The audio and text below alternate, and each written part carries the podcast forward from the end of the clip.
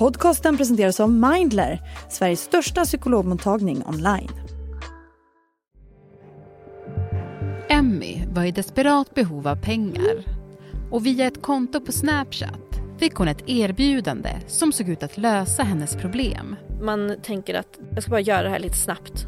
Men en vecka senare hade hon istället ett pris på sitt huvud.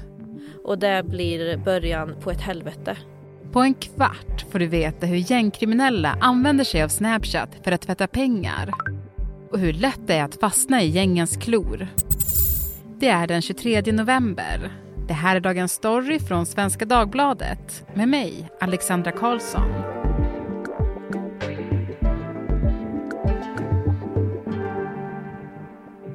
Gäst idag, Frida Svensson, granskande reporter på SvD.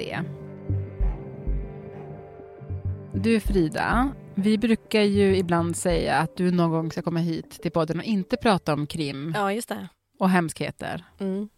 Men nu är vi där igen. Ja, men om man ska hitta lite ljus i det här så här kommer vi ändå varna för något. Det är lite konsumentupplysning. Så akta er för det här ungefär. Mm. Ja, men för vi ska ju prata om hur gängkriminella använder sig av Snapchat för att tvätta pengar. Hur går det till? Ett kriminellt nätverk får in nya pengar på olika sätt, narkotika, bedrägerier. Det är brottsvinster som hela tiden måste tvättas. Och här har man då hittat ett sätt att rekrytera penningtvättsmålvakter via Snapchat. Och det är alltså personer som är villiga att upplåta sitt bank-id och sitt bankkonto för att ta emot en större summa pengar eh, som nätverket överför och målvakten skickar sedan vidare de här pengarna till nya konton. Det är ett vanligt sätt enligt Finanspolisen eh, som nätverk använder sig av för att just göra de här brottsvinsterna svåra att spåra för polisen. Mm. Alla som är nära barn och tonåringar vet ju att Snapchat är en väldigt populär app bland dem. Um, varför är Snapchat en så bra app för kriminella? Kriminella behöver ju då alltid på olika sätt tvätta pengar och Snapchat här är eh, effektivt för att du kan döpa ditt konto till ja men Swish-akuten eller Snabba Cash eller överföring snabbt och liknande namn eh, och döpa om ditt konto så, så, att det heter någonting i den här stilen. Och då kan personer som eh, är i behov av pengar eller som bara vill ha pengar för man vill köpa en snygg väska så kan man söka bara i det öppna sökfältet på Snapchat och då kan man liksom på två sekunder hitta ett sånt här konto. Mm. Du har skrivit en text som berättar om ett fall. Eh, och Det handlar om en kvinna som du kallar för Emmy. Vem är hon? Hon eh, är en kvinna, hon är mamma, eh, hon hamnar i ekonomisk knipa. Det är en väldigt dramatisk historia som egentligen bara utspelar sig på ett par veckors tid. Det är ett jobb som inte förlängs och helt plötsligt så ligger hon efter med tre månadshyror och eh, elektriciteten är avstängd. Hon känner sig desperat det är då hon kontaktar ett av de här Snapchat-kontona. Och hon vet att det finns sådana här konton då på Snapchat som söker efter personer som kan ta emot en större summa pengar som sen ska swishas vidare. Vilket då, obs, obs, är ett brott medhjälp till penningtvätt på det här sättet är brottsligt. Så hon vet det att det hon gör är fel och det hon gör är brottsligt. Men hon tänker att jag gör de här jobben. Det, om jag tar emot, säg 100 000 så får jag behålla 15 av dem. Ungefär så. Man får behålla en liten del av kakan. Och hon tänkte att det kommer lösa mitt problem nu med pengar på kort sikt. Och det blir början på ett helvete. Mm. Så det hon gör då det är att hon, hon söker på Snapchat och hittar de här kontona väldigt snabbt och eh, sen så bestämmer hon träff med eh, personerna bakom ett av kontona. Mm. För nätverken är ju väldigt angelägna om att när de för över pengar till en person att inte den personen bara ska eh, ja, men sticka iväg med pengarna utan de vill ju ha full kontroll över att alla instruktioner följs. Så Emmy stämmer träff eh, med nätverket och sen sätts den här ja, men Swish-karusellen igång. Mm. Pengar kommer, pengar går. De byter ägare snabbt. Men sen så påstår nätverket att en summa på 70 000 bara har försvunnit och Emmy får skulden för det här. Och vad händer då? Ja, det är en då påhittad skuld som växer och växer för varje dag. Nätverket menar att eh, nu måste du betala oss en miljon och då kommer också dödshoten in. Mm. Hennes telefon slutar inte ringa, det kommer in massa meddelanden som säger att vi ska döda dig och dina barn, vänta bara ska du få se. Vid ett möte så tar man också hennes lägenhetsnyckel och säger att ja, det enda sättet för dig nu är att, att du börjar jobba för oss så att vi får använda din lägenhet som ett knarklager och så ska du förpacka och sälja och hantera vår knarkförsäljning från din lägenhet. Alltså det låter helt ofattbart det här. Och det sker också väldigt snabbt som jag förstår det. Ja, efter bara ett par veckor så har hon ju gått från att ligga efter med hyran till att bli ja, men i princip fånge för ett kriminellt nätverk och hamna i en livsfarlig situation. Mm. Och då säger Emmy till mig att då har hon då har hon två val. Det är att stanna och bli slav åt nätverket och upplåta sin lägenhet till en knarkcentral där hon ska eh, förpacka och förvara och sälja deras knark. Eller dra. Och hon väljer att dra. Så när nätverket kommer och de har tagit hennes nyckel och allting till lägenheten, då är hon inte där längre. Vad är det för nätverk? Ja, det har jag lagt mycket tid på att försöka ta reda på. Och det är inte helt belagt men det är väldigt mycket som tyder på att det är Foxtrot-nätverket. Dels på grund av hur, vad de här personerna som hon träffar berättar, eh, vilka detaljer de uppger och också att när hon får de här samtalen och hoten, att man ser att det finns användare där som i alla fall använder smeknamn och alias som kopplas till Rawa Majids närmsta krets. Hur lever Emmy idag då? Ja, i början när vi hade kontakt då bodde hon tillfälligt på olika bekantas soffor. Alltså hon fick liksom vara i en annan stad. Hon berättade att nätverket hade skickat runt bilder på henne till sina ögon och öron på marken. Men nu när vi hade kontakt senast då hade hon fått hjälp eh, eh, av ideella krafter och lever gömd eh, idag. Mm. Och som jag förstod det så har hon försökt få skydd av polisen men inte fått det. Varför då?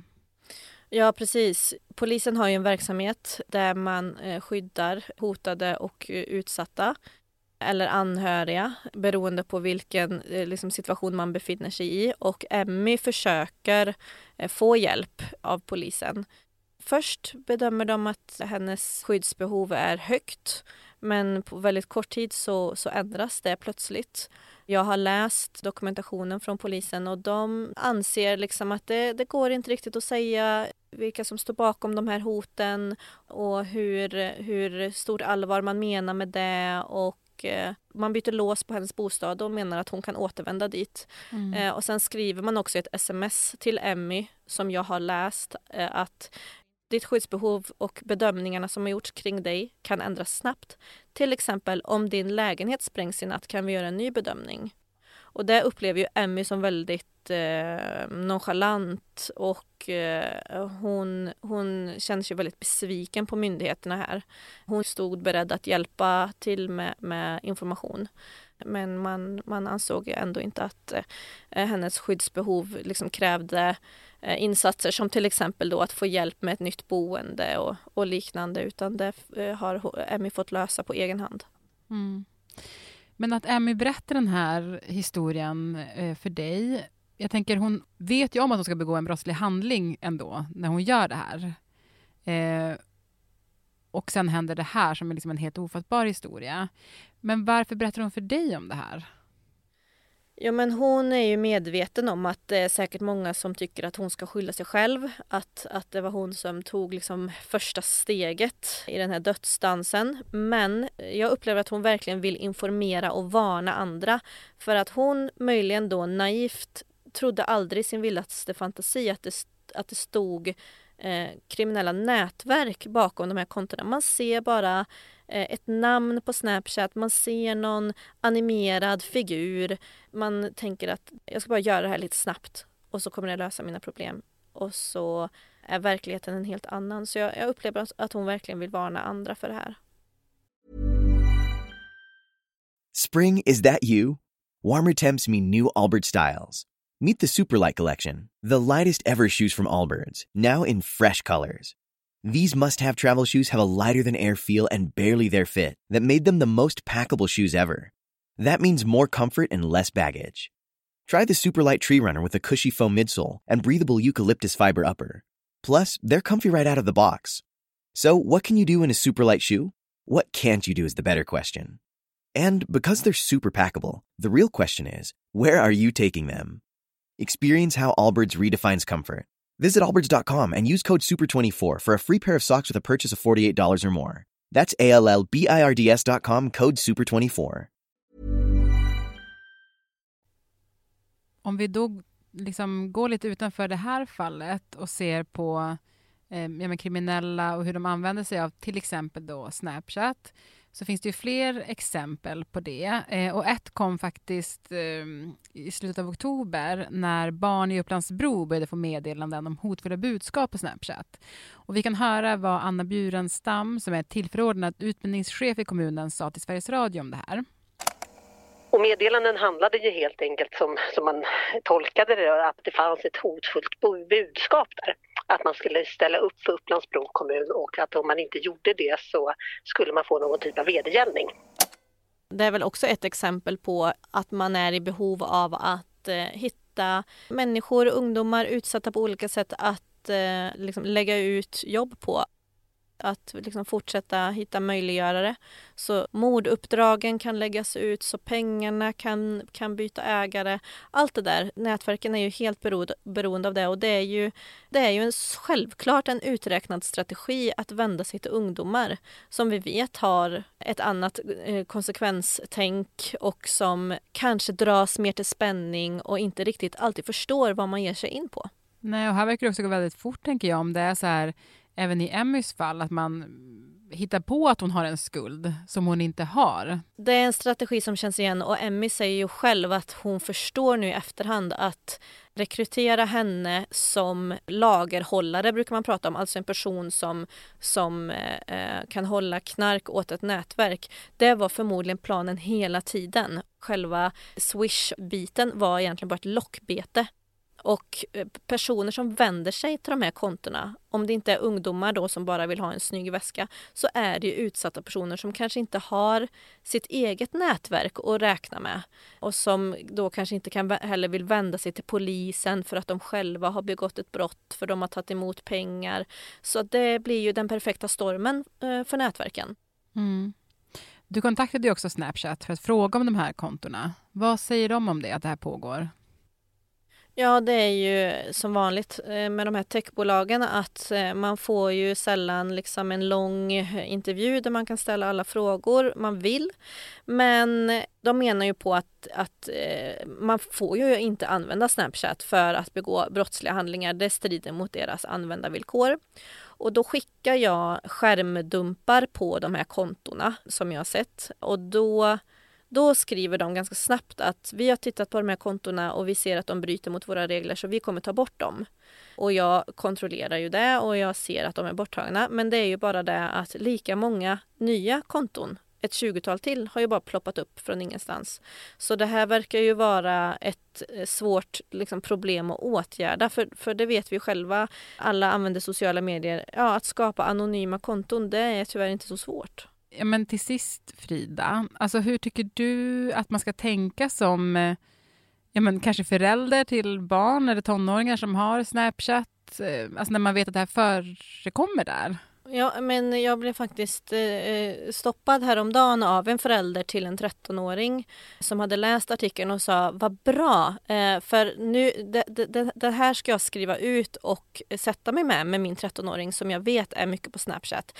Bara för att just kunna visa vad som kan hända om man är lite för oförsiktig och naiv och är jättesugen på ett par nya Balenciaga-skor eh, och, och tänker att 15 000 löser alla mina problem. Så hon skulle faktiskt eh, ja, men sätta sig ner och prata om den här artikeln med sin tonåring. Så det, det kanske kan vara en hjälp till föräldrar. Du, tack så jättemycket Frida. Tack själva. Och om man vill läsa mer om det här så finns nu också en artikel på svd.se som visar hur vår kollega Ahmed efter bara en kvart på Snapchat erbjuds att bli målvakt åt gängen. Och programmet idag producerades av Elin Romeliotto, redaktör var Stina Fischer och om du vill kontakta oss så mejla till dagensstory.svd.se.